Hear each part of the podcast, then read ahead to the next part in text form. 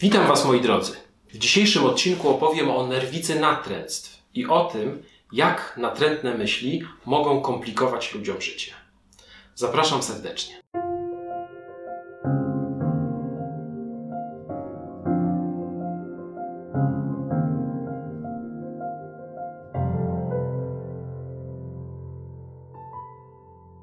Nerwica natręctw zwana jest inaczej zaburzeniem obsesyjno-kompulsyjnym lub OCD z języka angielskiego Obsessive Compulsive Disorder.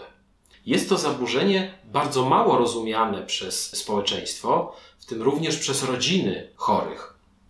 Często w filmach postaci dotknięte OCD przedstawiane są z przymrużeniem oka albo jako postaci komediowe. A wierzcie mi, OCD z komedią ma niewiele wspólnego. Jakie są objawy nerwicy natręctw? Objaw pierwszy obsesje. Obsesje to inaczej natrętne myśli, czyli powtarzalne, mimowolne, niechciane myśli, które włażą pacjentowi do głowy i dręczą go. Czym bardziej pacjent broni się przed tymi myślami, tym bardziej one go dręczą. Kluczem do zrozumienia OCD jest napięcie. Już wyjaśniam. Otóż wyobraźcie sobie, że nie wyłączyliście żelazka i jesteście poza domem. Ta myśl spowoduje najprawdopodobniej duże napięcie i potrzebę jakiejś reakcji. Pacjenci z OCD przeżywają takie napięcie nawet kilkaset razy dziennie, całymi godzinami. I tutaj przechodzimy do drugiego objawu nerwicy natręstw, czyli do kompulsji. Kompulsje to powtarzalne, przymusowe czynności lub rytuały wykonywane właśnie po to, aby obniżyć poziom przeżywanego napięcia. Ten poziom napięcia obniża się na chwilę, a po chwili koło nerwicy natręstw kręci się nadal. Jakie są najczęstsze treści natręstw i najczęstsze kompulsje? Podam przykłady. Najczęściej występuje sprawdzanie. Pojawia się natrętna myśl. Jeśli czegoś nie sprawdzę, to coś złego się stanie. I pacjent sprawdza, czy zamknął okna, czy zamknął drzwi, czy zakręcił wodę, czy sprawdził mm, coś do pracy i tak dalej. Kolejny przykład higiena i zdrowie. Natrętna myśl. Jeśli czegoś dotknę, to się zarażę i coś złego mi się stanie. Pacjent unika dotykania klamek, przycisków, poręczy, nie siada w miejscach, w których ktoś siedział wcześniej, albo kompulsyjnie myje ręce. Rekordziści aż do kilkuset razy dziennie. Kolejny przykład krzywdzenie kogoś. Kochająca matka patrzy na swoje dziecko i pojawia jej się myśl: A co jeśli je zabiję? Albo a co jeśli ugodzę je nożem? I tutaj oprócz silnego napięcia pojawia się potworne poczucie winy. Taka osoba wini się, uważa, jestem złą matką, jestem złym człowiekiem, jak mogę mieć takie myśli? I znów, czym bardziej broni się przed tymi myślami, tym one bardziej ją atakują. Prawdopodobieństwo, że taka osoba zabije to dziecko, wynosi zero. Kolejna treść to treści religijne.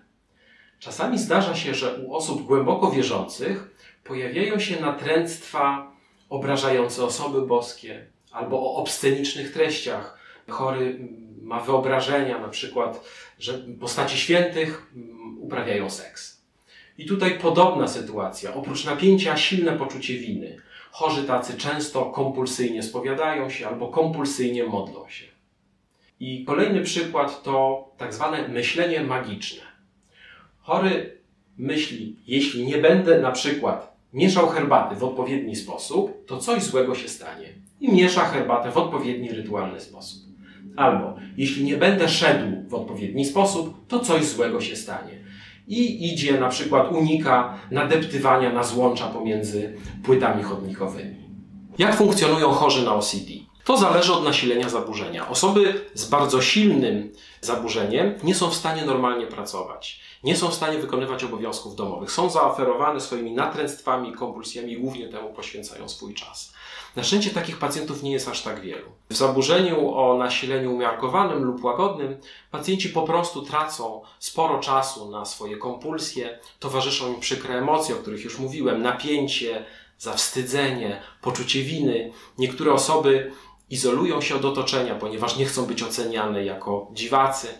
Osoby, które bardzo często myją ręce albo bardzo często biorą prysznic, mogą mieć nawet powikłania dermatologiczne, że nie wspomnę o rachunkach za wodę. U 80% osób z OCD występują epizody depresyjne. Trudno się temu dziwić, ponieważ natręctwa, napięcie, poczucie winy przeżywane przewlekle po prostu torują drogę depresji. Mamy tutaj do czynienia z natręctwami, które powodują silne napięcie i aby to napięcie zredukować, pacjent wykonuje jakieś przymusowe czynności.